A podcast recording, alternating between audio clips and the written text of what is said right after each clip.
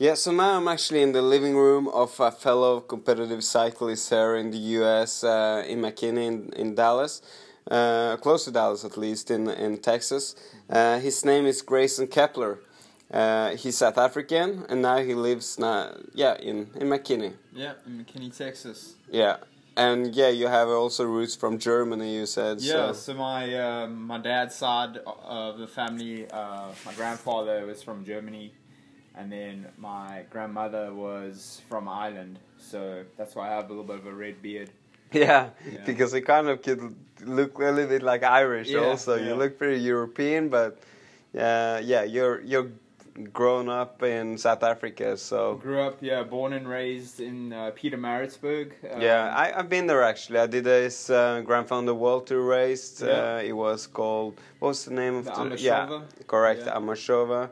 Uh, great race, really nice area. Yeah, they also have the uh, UCI cross country and um, mountain bike championships in Pietermaritzburg, the downhill. Oh yeah, Um, I don't know if you've watched that uh, on Red Bull TV, um, but yeah, so it's it's quite a, a mecca for cycling and uh, outdoor living. mm, you know. yeah. It's just outside of Durban in in kind of the east. Durban, yeah, that would be the, the next the next major city, yeah. um, and it's about six hours uh, due east from Johannesburg. So Yeah.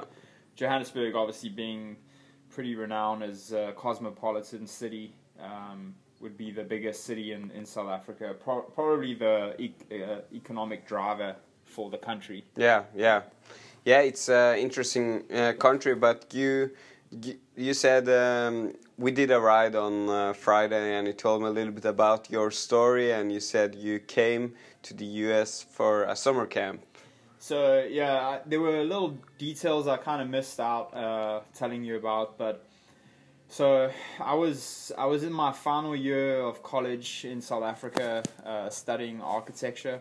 Um, when uh, and I was training uh, as a sort of competitive athlete at the time, and it it was I recall being a Saturday afternoon. Um, it had just finished raining, and I'd kind of been waiting for this thunderstorm to pass, and I was going to go out and train in the afternoon when the roads were kind of drying, and so ended up uh, leaving the house and on a descent, I touched a painted white line in the middle of the road while I was on the brakes and completely washed out.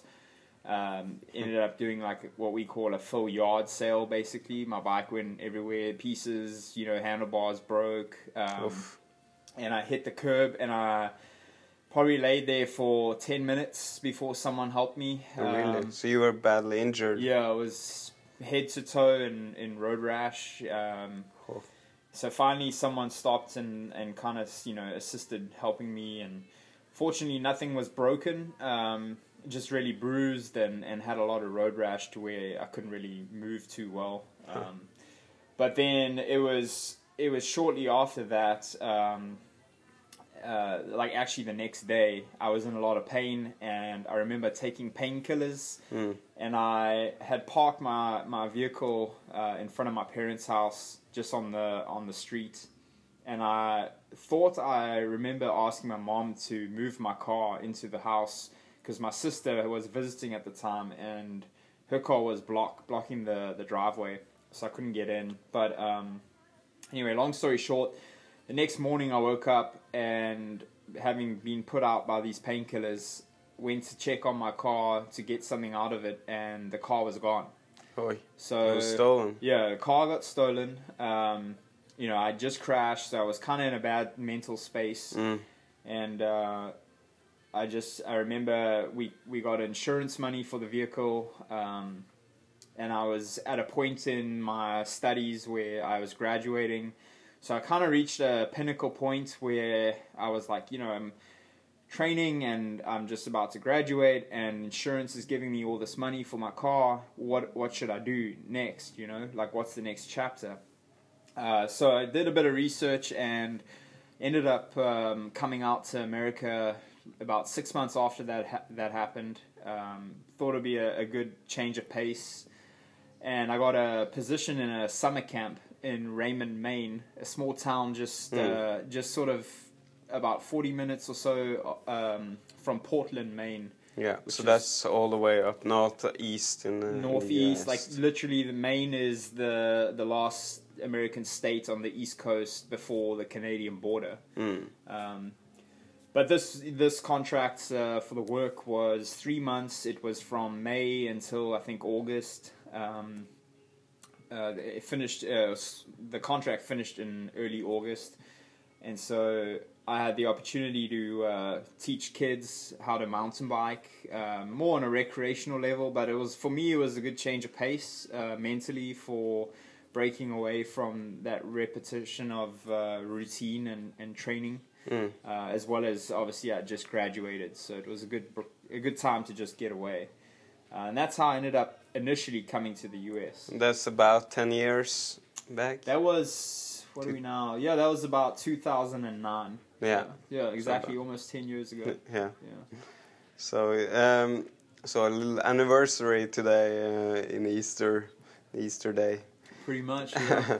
but that was yeah. It's uh, at that time you were a competitive, and a, did you also like kind of live uh, as being a cyclist, or did you do more other Uh, kind of sports? You yeah, said you were a was kinda- competitive athlete. I was uh, more gearing around um, racing duathlon and Yeah. uh, Xterra, the off-road triathlon. Yeah.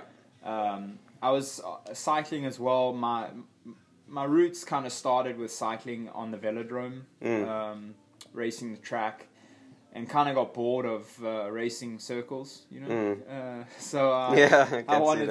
I wanted something different, and uh, I I always have craved uh, quite a bit of variety in life. You know, whether it be trying different food or going to different places. So when when the track came about, it was it was a nice opportunity, but I was also bored of that very quickly. Yeah. Um, once I learned how to race on the track, uh, I went to South African national championships, um, and then yeah, was, didn't, was that also back in that was before? s- that was before Before, the- yeah, the- before the you went to the US first. Yeah, um, but that's kind of where my roots started, and then when I came out here, uh, that's where I started pursuing the off-road triathlon more seriously. Mm. Um, and uh, yeah, so once the um, the contract was up with the camp, uh, the summer camp, Yep.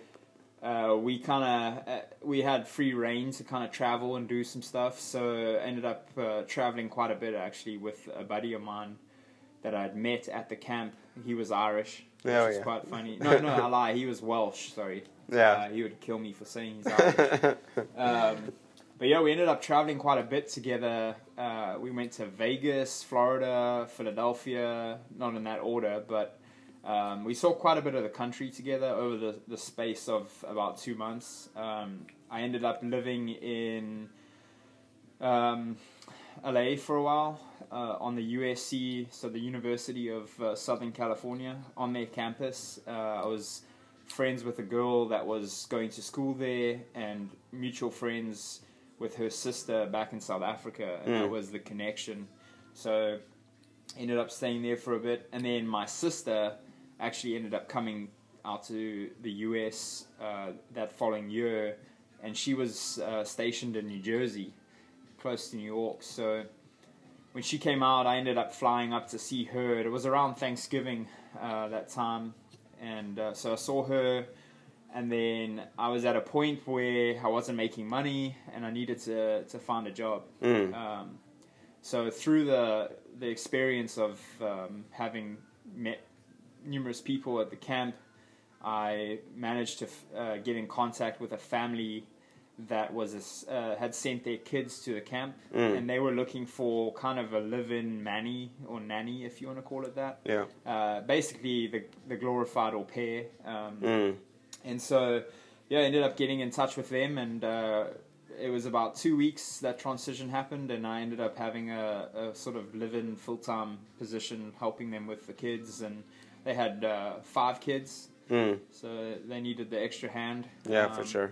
And they were they were nice. They were paying me, you know, a small salary, and they gave me a car and a, Yeah. a family credit card that I could kind of keep up the groceries And and, then, and then you had time in the morning. You said to Yeah. to to start off your day with a swim, and then you Yeah, went on so- a bike, maybe. yeah, exactly. So the kids would go off to school, you know, seven thirty or whatever it was. Yeah, uh, and then I would kind of have free reign to train all day basically until around three o'clock. Um, when the kids got home, I had to be you know available to look after them and help them with homework and, and Yeah. kind of get things squared away. Mm. Um, so yeah, it was it was kind of an interesting time. Uh, yeah, but it was fun. It was you know I was young. I was I was twenty one, I think twenty two at the time. So Yeah. It was probably a good time. You know, good good age to do something like that. You Yeah, know, kind yeah. of learn some independence and freedom. and then um, eventually you had to go back to South Africa. Yeah, Yeah, so something I wasn't aware of, uh, you know, so a lot of uh, South Africans are sort of jealous at the rest of the world in a sense, like especially Europeans and Americans, because we don't have the travel luxuries uh, that those countries do with passports. So anytime we travel uh, to another country, we need a to get a visa, and it's just like another expense. It's another thing to think about. Um, so anyway, back to your first point. Uh, yeah, I ended up having to leave the U.S. because my visa was had expired, and I wasn't really. It was complicated. It was several documents. The one document had a, a date on it that, you know, had a bigger time period. Oh, but yeah. there was another contractual document that had expired, and that Oh, was the one that I had to obey. Mm. Um, so yeah, the uh, USA Immigration Services contacted me and said, you know, hey, you need to voluntarily depart the Mm. US and book a ticket, or we'll flag you in the system and you'll be blacklisted, and we'll start the deportation. yeah. Then it'd be hard to Yeah, stay so- here for years. I didn't hesitate. I, I booked a ticket that next day and uh, sent confirmation to the immigration officer. And yeah, I went back. Uh, I was back in South Africa about a week after that whole incident. Mm. And then you you went back to another kind of job over there. Yeah, so I was a kind of a part-time bartender. My parents had a, a company and they wanted me to come work for them, but it's you know always one of those things you don't really want to get into what your parents get Yeah. into. So kind of wanted to try something else. So I was still training, um, and then I started uh, working at a private sort of uh, golfing club, if you want to call it that, where I was the bartender and I was serving, you know, gentlemen drinks and food and whatever. Um, but you know, I didn't like that lifestyle and standing on my feet all day. And, No. uh, being in that environment uh, wasn't wasn't exactly the lifestyle I was chasing with being an athlete. So Mm. it was an end to uh, an end to a uh, beginning, I guess, because after that, you know, I was able to save up enough to come back to the US. Hmm. So it took it took about eleven months uh, filing the paperwork again and the application, uh, and then I ended up coming back. Mm. Um, the yeah, about eleven months after that. Yeah. So yeah, for sure, it seems like you enjoy the U.S. a lot more than South Africa, and even even as an athlete, and just the Um, whole Yeah, there's just mentality. Or I think there's just more opportunity Yeah. here. Um, you know, from sponsorships to uh, networking. Um, you know, South Africa, as the economy goes, is is kind of on the downward slope uh, because of the corruption, and you know, Hmm. we touched briefly on that. mm, Um, it's just a lot of corruption in the government, and uh, for a for a white male after the apartheid era with Nelson Mandela and all of that, there's very few opportunities for for someone like myself who was coming through the system. Um, you know, in my twenties, early twenties, and trying to find a, a decent career job. So, I also wanted to pursue the athletic dream. Mm. Um, you know, travel traveling especially was was kind of a pinnacle for that. Um, but yeah, that's that's Yeah. kind of the the background to that. yeah. So fast forward a bit. Well, like we, you went back to the U.S. Uh, you ended up in Dallas or in McKinney, where we're, at now. You started working in the local bike shop. Yeah, so I was actually dating a girl um, that I'd met at the, the summer camp. Uh, she actually had come out to South Africa for three months and then she came back to the US, and it wasn't wasn't much longer after that that I was able to come back, uh, you know, back to the US. So ended up uh, meeting Chad uh, at the bike shop here, the local bike shop, and kind of told him my short story of what I was trying to do and what I was pursuing. Um, and he ended up trying to, you know, he gave me a bike and gave me a, a part-time job. I ended up uh, studying how to do uh, bike fits, and uh, you know, so he gave me opportunity to fit people that bought new bikes and kind of be in that environment. Which obviously, as an athlete, uh, there's more to gain, you know, working in a bike shop than working in a bar. Yeah. So, And at that time, you were actually a triathlete, more, more or less. You were racing Yeah. professionally as a triathlete. Didn't you say you also went to the world? Worlds? Yeah, so in twenty in twenty thirteen, I turned pro, um, racing Xterra, and ended up going to world champs, uh, two years in a row. So I believe it was twenty thirteen and twenty fourteen. I might be mistaken on that. It's been a it's been a while. Yeah. Um, but yeah, I ended up going to the World Championships in Maui, and I also ended up going to uh, the ITU World Championships in Zittau, Germany Oh yeah. um, and I raced in uh, Prague. It was kind of a four race uh, schedule. It was Prague, England, um, Germany, and it was another one. I didn't. The the fourth one I didn't make because of time constraints on my visa. Mm. Because I had a Shenzhen visa, I think is how you Yeah, pronounce it. that's yeah. and uh, yeah, Sch- Schengen, I think. they ended up um, not giving me the the time that I needed to to do that fourth race. Mm. Yeah. Oh really? Yeah, they were harsh. They saw they saw the South African and they were like, Yeah. "Nope, sorry." Huh. So, Yes, that's a, a challenge we don't really think about up in Norway. Um, so we but um, eventually you realized that cycling was the thing you wanted to do.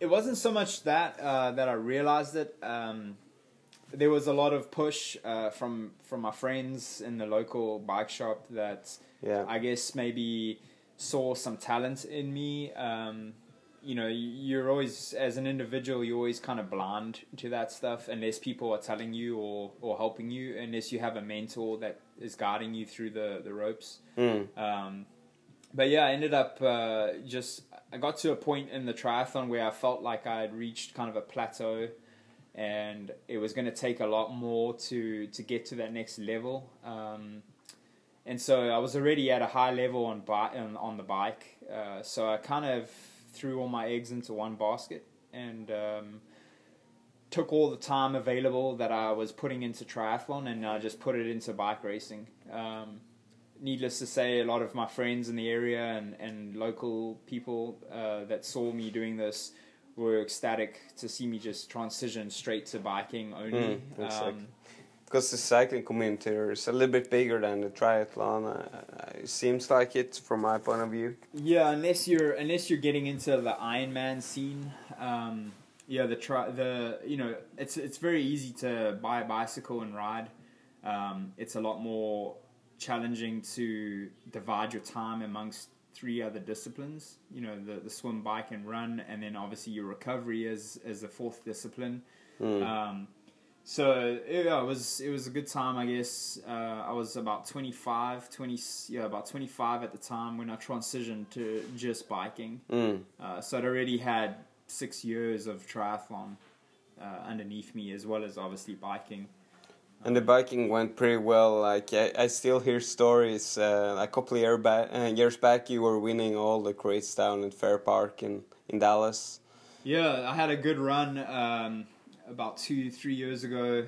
Uh, I was winning all the local stuff and did some bigger races, and I was winning those too. Um, I won. Uh, there was a, a race. Unfortunately, you won't get to do it, but Bike the Bricks, the one that was here in McKinney, I Mm. won that. Um, and then I've had a few uh, bigger sort of wins or podiums um, on a national level. Oh, which Um, which races? So, Oklahoma, um, there's a, a race in Oklahoma called the OKC Pro Am, Mm. and it's part of the USA Pro Tour. Like they have all these criteriums throughout the US, and that's I think the third or the fourth stop on the calendar. yeah, Uh, the USA Crit Series. Exactly. Yeah, Yeah. So ended up getting a podium there. Oh, that's um, good. and then at Tulsa Tough, uh, that's another one in Oklahoma. Uh, ended up um, getting fifth on GC over the course of the weekend, and I podiumed twice on two of the days. So those those have probably been some of my bigger results, um, you know, to to date. But Mm. But now, uh, eventually, you also got uh, a job here in the U.S. as a architect. Lance. So yeah, at the time uh, when I started to just cycle, I I started to also put a team together um, with a group of guys that I kind of handpicked uh, to help me in in my racing, obviously, and, and and where we could help each other. I guess is probably the better way to put it. What was the name of that team? Uh, it was also it was Cadence. Yes, a. Cadence Cyclery, the same I, I've been riding for her in the yeah, US. Yeah. So we just had uh we had different sponsors um, and a different group of guys, and so one of the guys on the team, uh, his his family had a custom home building um, business, and we were out riding one day like you and I were on Friday, and he was also just you know picking my brain and asking questions and. We got onto the topic of what I had studied in college, Mm. um, and he had said, uh, you know, hey, do you want to try do this uh, this drawing for one of my clients? And I said, sure, you know, I'll give it a go. Um, so anyway, I ended up uh, giving him the drawing a week or two, you know, later, and he presented it to his clients and. Went, went quiet for a while, but I ended up getting a phone call from him, and uh, he said, "Hey, the client liked your drawing. He wants to meet you and, and go over the, the plan." So yeah, it was kind of from there that I, I guess, transitioned from being a broke athlete to having some capital in my pocket. Yeah, because that's true. Like the, it's challenging to be athlete. I know that from my my own experience. Yeah. It's it's challenging. You live off of just a few bucks a day sometimes, and it's uh, of course it's sometimes you need to also take the next step. Uh, but I know that you are still very involved in the cycling here. Um, you know, like everyone knows you. You're uh, coaching a lot of the athletes, a lot of the riders. Uh, you do a lot of these group rides. Uh, you know, they have several group or group group rides down at Cadence, uh, and you do them. We did one today, actually, this morning. Yeah, yeah. Um, Yeah, it's a good community of um, guys, you know, ranging from all sorts of ages. Uh, so it's it's a good way for for myself to keep myself in check um, and stay accountable. You know, for staying healthy and just I enjoy the environment too and and the people in, in the industry uh, and the community. Um, you know, generally there's a lot of like-minded people.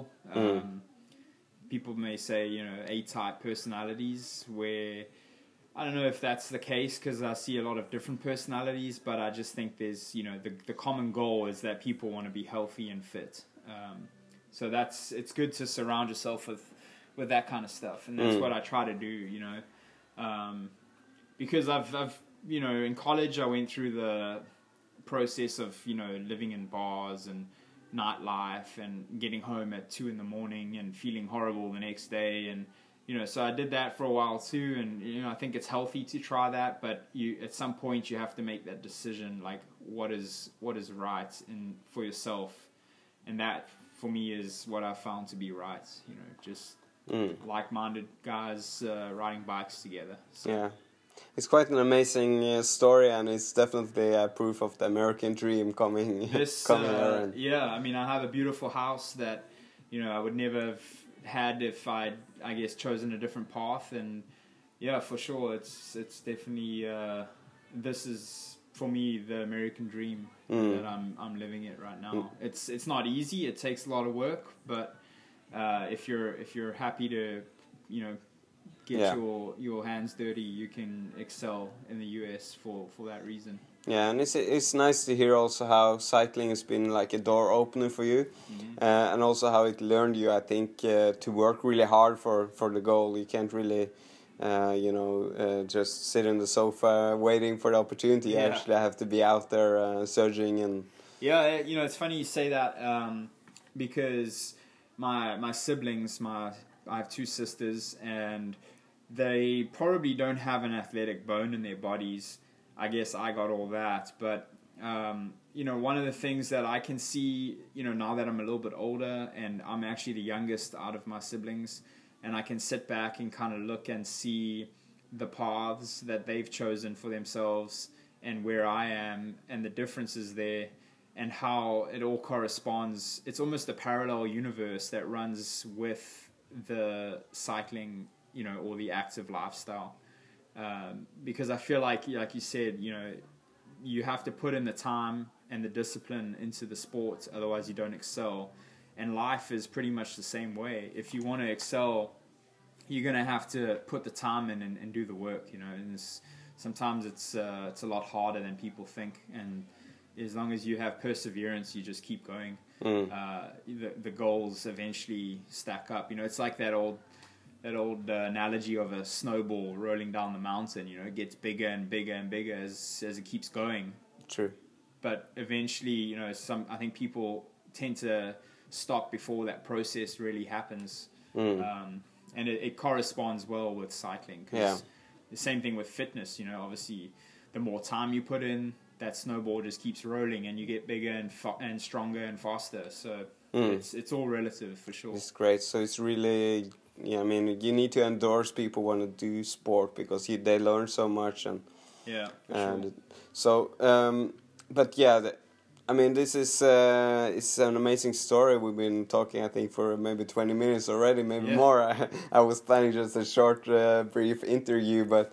Uh, I couldn't stop it. It was a good story, really interesting. Um, I like, you know, your approach to life. Work hard and um, you get rewarded and also you know I've seen it also when we're riding like people they look up to you and you you are um, I, I don't know if hero is the right word but i know you're kind of uh, yeah you get a good impact on the society of cycling here and and it's good to see you're also you know down to earth uh, on the same time. So it's it's just great. Uh, and um, you're actually gonna race tomorrow. You know this is the easter what do you call the easter night easter day Uh, yeah, yeah, I guess it's uh, Easter, the eve of Easter. Yeah, eve of Easter, and uh, so we're here gonna have a nice barbecue. It's gonna be good. Yeah. Um, and um, tomorrow you are actually leaving to Atlanta for. Yeah, so heading to Georgia for a Georgia, yeah. for one of I guess the next uh, race on the calendar is uh, it's called Athens Twilight, um, and it's the third stop on the calendar for the USA Crit Series.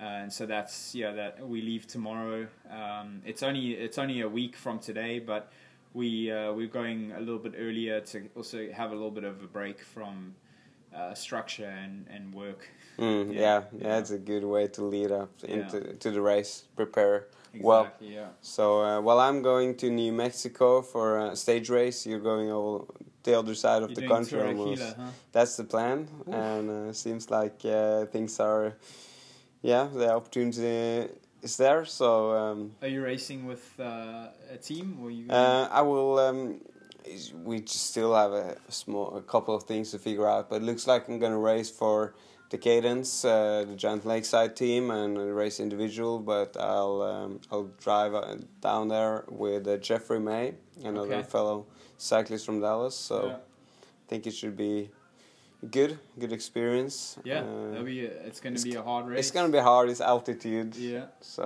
um, it's different than the crit series you you're gonna do. But, yeah, yeah. And this race is down there. Yeah. Completely different demand on the body, and I think your race is what a stage race of five days. It is. It So- is. So it's challenging. We even have a crit on on the fourth stage. hmm So it's That'll be uh, fun that would be fun. Maybe, at maybe altitude. gonna be fast for Yeah. sure. And, but yeah, yeah. Thanks for the talk, uh, man. Grace. And then I It'll be fun. yeah. I- and yep. Good luck then. Thanks. You too, man. We'll talk to you soon.